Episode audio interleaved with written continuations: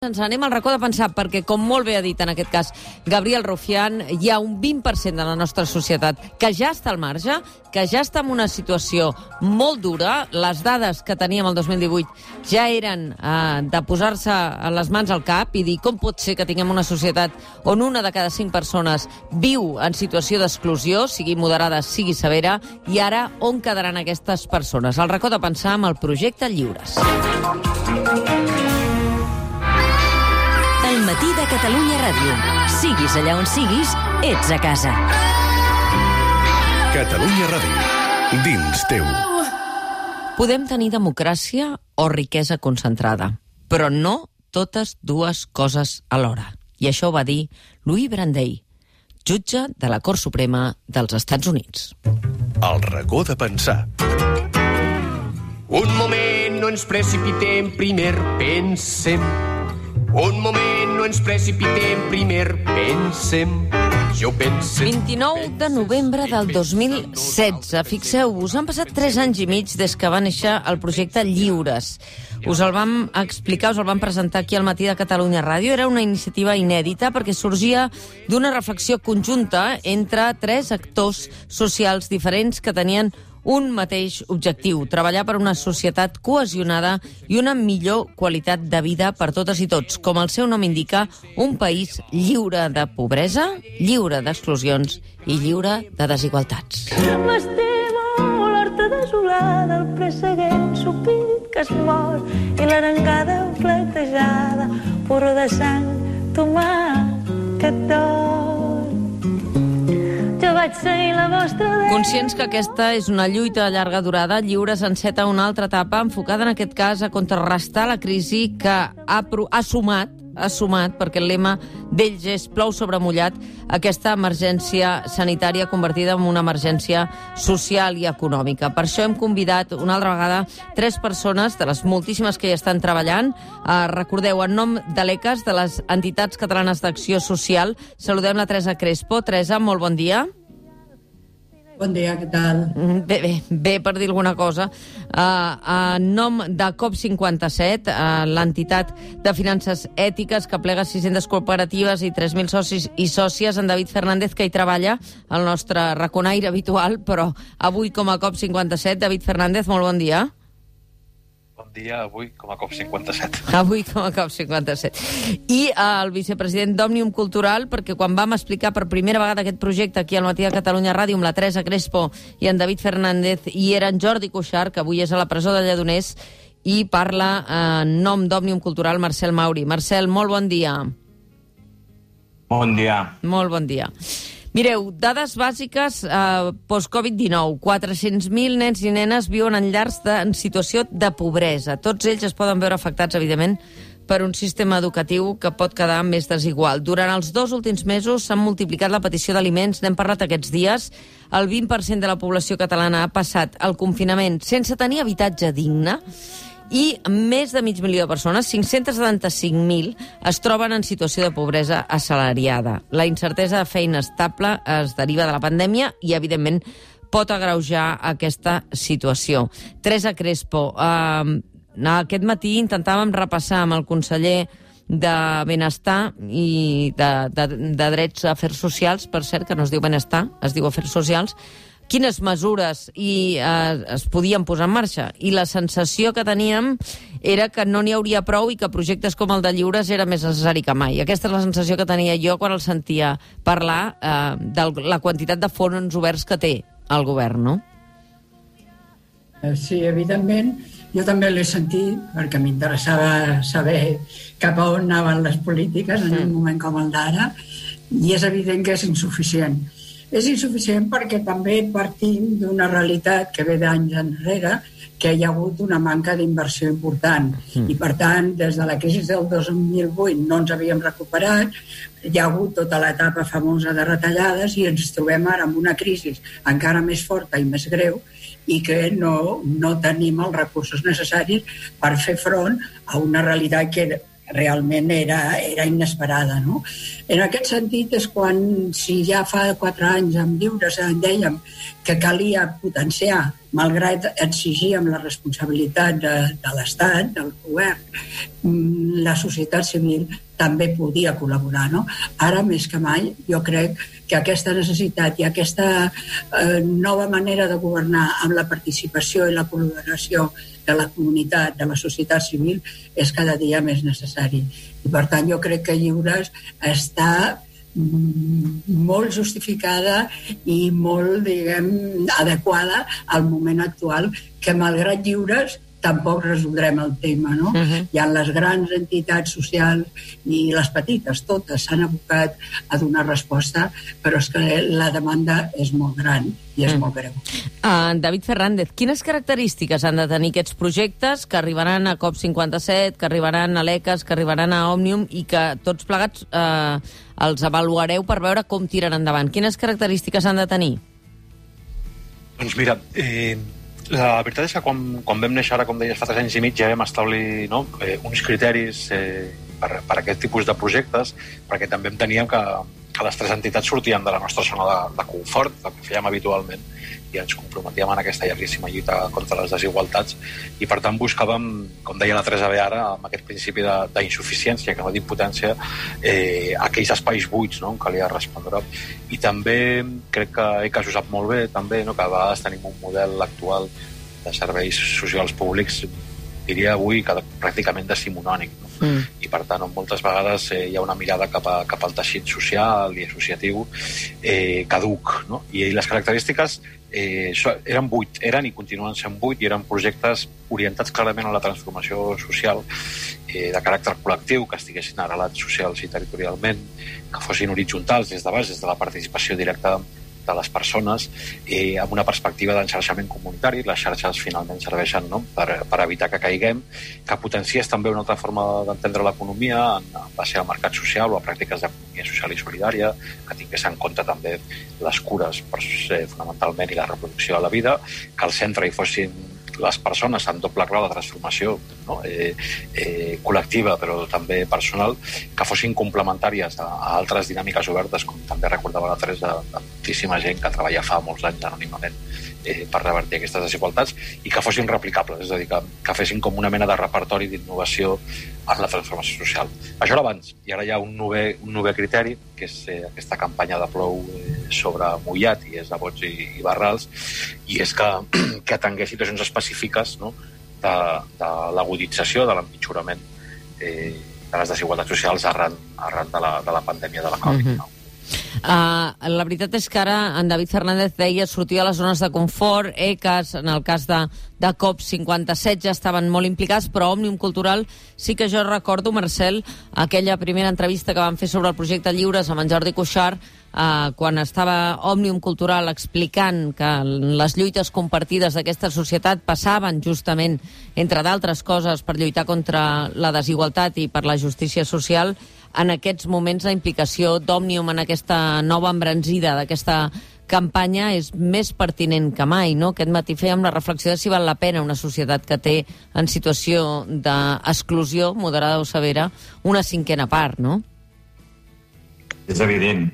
Eh, hi ha una, un fet que, que es constata. Segur que no podem fer una societat que sigui lliure en cap dels seus aspectes si hi ha com a mínim no, aquest 20%, que això són dades d'abans de la pandèmia, abans de la Covid-19, per tant, com deia en David, plou a bots i a barrals ara mateix, plou a sobre mullat, i per tant vol dir que aquestes xifres ara són desorbitades uh, i, i fan fredat. Per tant, segur que no podem construir una societat que sigui lliure si hi ha aquesta pobresa, aquesta exclusió, aquestes desigualtats creixents, que no són noves, que l'únic que està fent aquesta situació de pandèmia és agreujar-les encara més.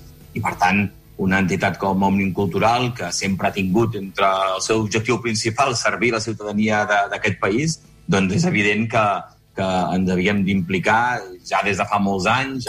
És un projecte que les primeres converses són en, amb la Muriel, amb la Muriel Casals, després és en Jordi com a president qui acaba de donar-hi forma i, i evidentment, doncs, ara amb tota la, la implicació d'una entitat que, que vaja, que, que, que ho deia en David, no? tots hem de sortir de les nostres zones de confort uh, davant d'una situació, no la, no la d'ara, eh? no, perquè ara només fa que greujar-se, sinó aquesta situació en el nostre país de tantes desigualtats. Això sí, que pot crear a fractura a una societat, no? a una, mm. una associació, una societat, perdó, amb profundes desigualtats no la, la política, no? com tantes vegades ens han intentat fer creure que ens podem dividir per la política. El que divideix alguna societat és aquestes profundes desigualtats socials.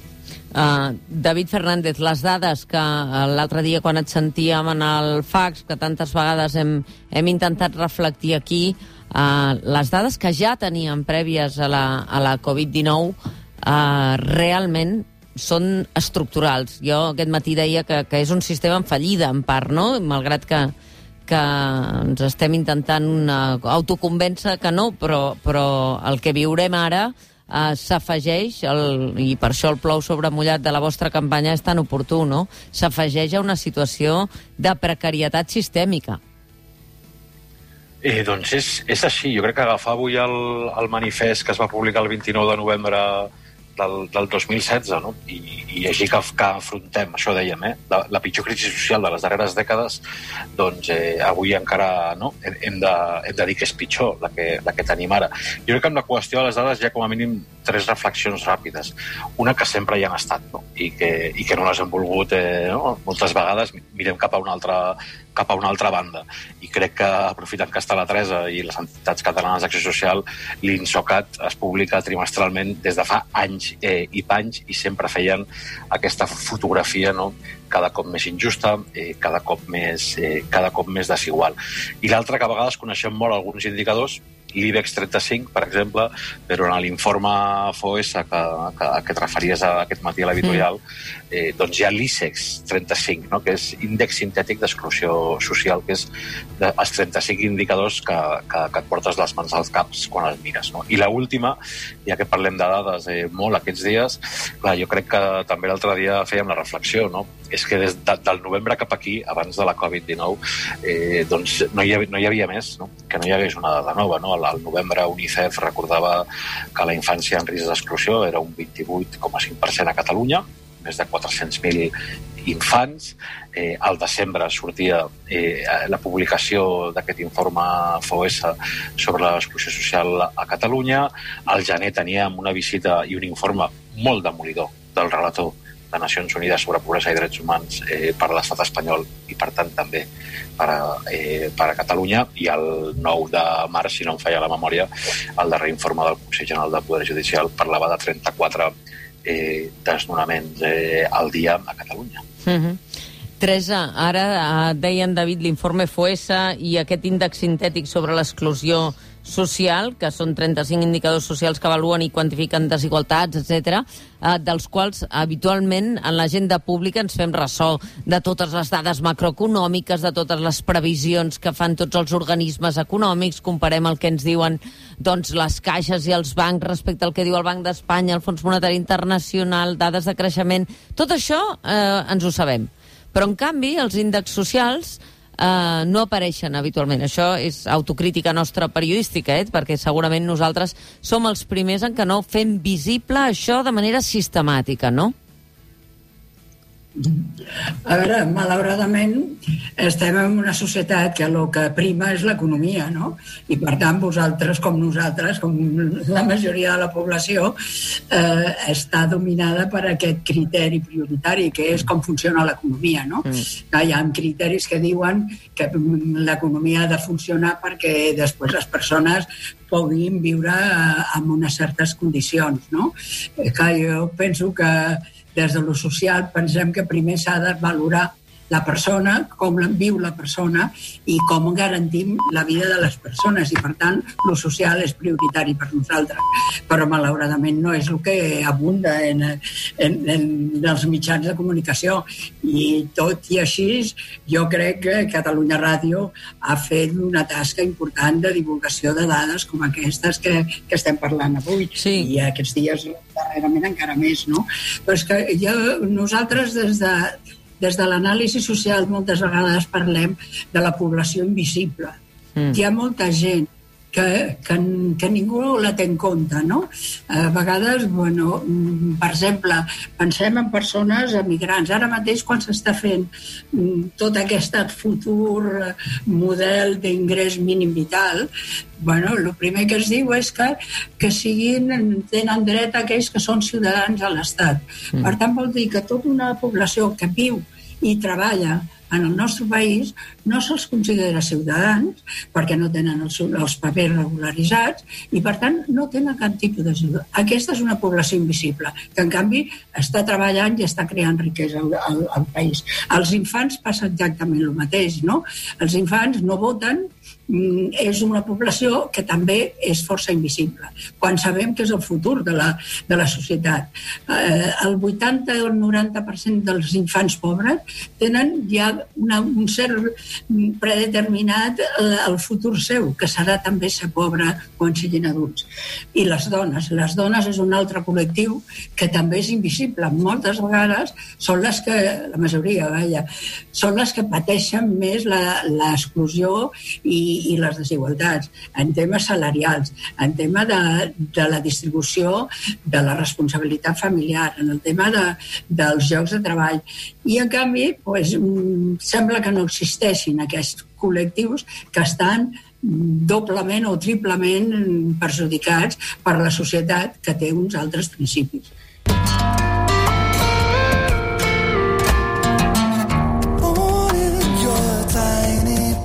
myself.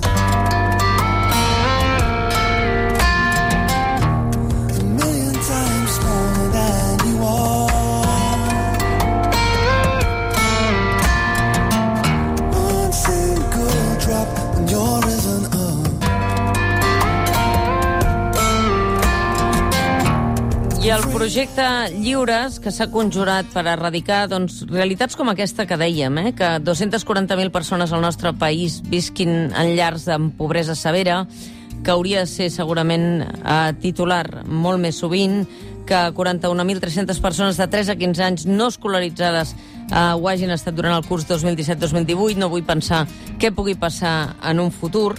I totes aquestes dades que, que existeixen, que són reals, eh, estan relacionades amb persones que a través del projecte Lliures o d'altres iniciatives, però en aquest cas el projecte Lliures, tinguin accés a uns recursos econòmics amb aportacions de persones que ens estigueu sentint per poder ajudar a transformar, a crear llocs de, treball a través de l'economia social i n'hi ha alguns que funcionen, no? David, Marcel i Teresa? Ups. Sí, Sí, David. sí, sí, totalment. No, no, perquè era com, com, com no ens veiem, eh, però bueno, qualsevol dels tres seria el mateix. I efectivament, eh, des d'aquell 2016 que vam posar el primer granet de sorra, doncs sobretot no, tan, no són projectes que impulsem nosaltres, sinó els que no estem ni davant ni darrere, estem al costat no? i hem acompanyat eh, no, el, la creació i el reforçament de, de Mujeres Palante, cooperativa de dones migrades, no? també quan explicava la Teresa un altre informe del novembre, que, que, que ser dona immigrant en aquest país triplicava el risc d'exclusió. De, L'Ateneu com a Cros eh, de Sal, un projecte eh, cultural també orientat a la transformació social, l'Escudella Solidària Girona, i aquest mes, eh, mes, de, mes de maig també donant suport a aquest projecte potentíssim i imprescindible, que és el projecte de l'Ola no sola a, a Nou Barris, no? d'un projecte de suport eh, específic eh, en perspectiva de gènere per a dones eh, sense llar i que a més aquests dies ahir feien un comunicat precisament no? explicant, quan parlem de, de institucions i societat, no? de com s'ha menys tingut no? en, mm. aquesta, en, aquesta, en aquesta crisi no? eh, de la Covid-19 quan tenen unes pràctiques i un coneixement eh, molt, molt potents. I això és el que ja han fet, que a vegades eh, dir és la millor forma de fer. En, en el darrer any, els darrers dos anys, més de, més de 80.000 euros eh, no, nodrint aquests eh, projectes, no només diners, no, sinó mm. també doncs, eh, l'acompanyament eh, social, eh, comunitari i tècnic. Clar, Marcel, eh, jo preguntava ahir, repassant la documentació del projecte Lliures, eh, havíeu posat terminis. El 30 de juny és el límit per... Ara estem en, en època de recaptació de recursos i, per tant, eh, que la gent que ens estigui sentint doncs, eh, que els pot fer, que pot aportar i que després els hi reportaran quins projectes eh, tiren endavant i veuran com neixen llocs de treball i això ho hem vist en aquests darrers anys i realment fa molt feliç no? veure que, que arrenquen aquests projectes que ara ens explicava el David. Però heu tancat la presentació de projectes a 30 de juny, no? Sí, és evident que, que hi ha una, un, uns terminis, una data, per tal de donar suport a, a quatre línies de, de, de projectes que ara mateix el Lliures doncs, uh, uh, per lluitar contra la pobresa cronificada i l'exclusió greujada de l'atur. No? Al nostre país ara mateix hi ha un milió de persones que estan aturades, si sumem aturats, de llarga durada, ERTOs, autònoms... També una altra línia de suport és la infància en risc i, i sense accés a l'educació. Hem de pensar que un, un de cada 10 estudiants del nostre país no té internet. Això són 180.000 infants i joves sense connexió a la xarxa, 55.000 famílies que no tenen ordinador o que no tenen connexió. Una tercera línia és la gent sense llar digne. Um, només aquestes últimes setmanes, eh, 18.000 persones han contactat el sindicat de llogateres per demanar ajuda. Um, gairebé la meitat de les famílies del nostre país ara mateix poden arribar a tenir uh, problemes per arribar a final de mes. Uh, per tant, són, són situacions que no són noves, ho dèiem abans, però que, però que s'agreugen. I finalment, una quarta línia aquesta emergència alimentària i necessitats bàsiques. Estem veient com la feina del Banc dels Aliments, de, de Càritas, s'estan desbordant amb unes xifres d'increment de les peticions que, que realment doncs, eh, fan, fan esfereir. Per tant, ara mateix estem en aquesta fase de, de captar fons. També és veritat que el projecte lliure es busca eh, les aportacions que cada persona pugui donar, però també busquem aquella gent que vulgui implicar-se en aportacions de llarga durada, perquè el 30 de juny tancarem aquesta fase que estem fent ara mateix per tal de buscar aquests projectes en aquestes quatre línies de suport, però el projecte Lliures, doncs, eh, malauradament, ha arribat per quedar-se durant molt de temps. I dic malauradament perquè l'exclusió, la pobresa, les desigualtats al nostre país hi són i, i estan massa arrelades i el que hem de fer és eh, precisament donar suport a aquestes xarxes invisibles però potentíssimes que existeixen al nostre país per, per erradicar totes aquestes desigualtats i, aquestes, i aquesta pobresa. Uh, en aquests moments estem pendents de què passa amb l'ingrés mínim vital. Sembla, pel que ens deia el conseller aquest matí, Teresa, que aquesta vegada es farà compatible amb la renda garantida de ciutadania i que, per tant, les cobertures s'ampliaran. Aquesta és una bona notícia, però amb les dades que han anat empitjorant en els darrers anys i en les que empitjoraran a partir d'ara, eh, és bastant dubtós que això doni cobertura, no? Sí, la veritat és que s'ha parlat molt, és, es parlava de la renda bàsica, això no té res a veure amb una renda bàsica, és un ajut que, evidentment, 461 euros mm, a la nostra... A, a Barcelona o a Catalunya és impossible viure. Mm. Llavors és evident que parlen de la complementarietat amb la de rendes autonòmiques i, per tant, amb la renda garantida de ciutadania, mm -hmm. però nosaltres ens preguntem si volem veritablement eliminar la pobresa severa, mm. És del tot insuficient. El que nosaltres voldríem i jo crec que caldria és d'alguna manera de, mm, si és aquesta quantitat que és baixa, caldria pensar en un altre ajut que no fos, que no fos computable, que fos l'ajut a l'habitatge, no? Perquè amb 400 euros, encara que amb família i tal es pugui arribar a uns 1.000 euros, significa que o menges o pagues lloguer. Està no clar. pots fer les dues coses amb aquests ingressos, no? Està Llavors, en aquest sentit, és un primer pas, benvingut sigui, però nosaltres apostem per, un, per una renda bàsica en el futur i sobretot ara d'immediat que pogués haver un ajut per a l'habitatge. I l'altra cosa que també crec que caldria pensar és el tema que abans deia. Els emigrants no tindran cap tipus d'ajuda i això ens qüestiona la realitat actual. Si abans en David Fernández parlava de Lola no estàs sola, de com ajudar les dones que pateixen violència, ens anirem d'aquest racó de pensar precisament pensant en elles que també estan sent ateses per projectes que provenen de lliures. Eh, la notícia que m'acaba d'arribar és que un home de 72 anys ha matat, assassinat la seva parella i s'ha suïcidat finalment a la localitat de l'Escala, on tots dos residien. Un nou cas, David Fernández un nou cas i en un context, eh, com recordàvem ahir mentre preparàvem aquesta assemblea, on, si no em falla la memòria, les trucades al telèfon d'atenció a la violència masclista s'han disparat en aquest confinament. Mm -hmm. sí, sí. 86% eh, eh, a, a Catalunya i per tant sí, el que sí que caldrà confinar és, és la violència, el masclisme i el patriarcat. Ens anirem amb Susan Vega pensant precisament en això. Ens retrobarem al racó de pensar la setmana que ve a la urgència de, de les dades. Ens han fet uh, avançar aquest, uh, aquest espai dedicat al projecte Lliures, però com us van prometre, la setmana que ve al racó de pensar el dedicarem als pensaments de Slaglov, com ho hem de dir, David, això per dir-ho bé, el nom de pila d'aquest home, Slash Bosch. Slav Bosch. Sisek. Sisek. Per parlar de pandèmia amb en Xavier Antic i en David Fernández. Moltes gràcies, Marcel. Moltes gràcies, Teresa Crespo. Fins ben aviat. Moltes gràcies a vosaltres. Gràcies a vosaltres. Una abraçada, que vagi bé. My name is Luca. I live on the second floor. I live upstairs from you. Yes, I think you've seen me before.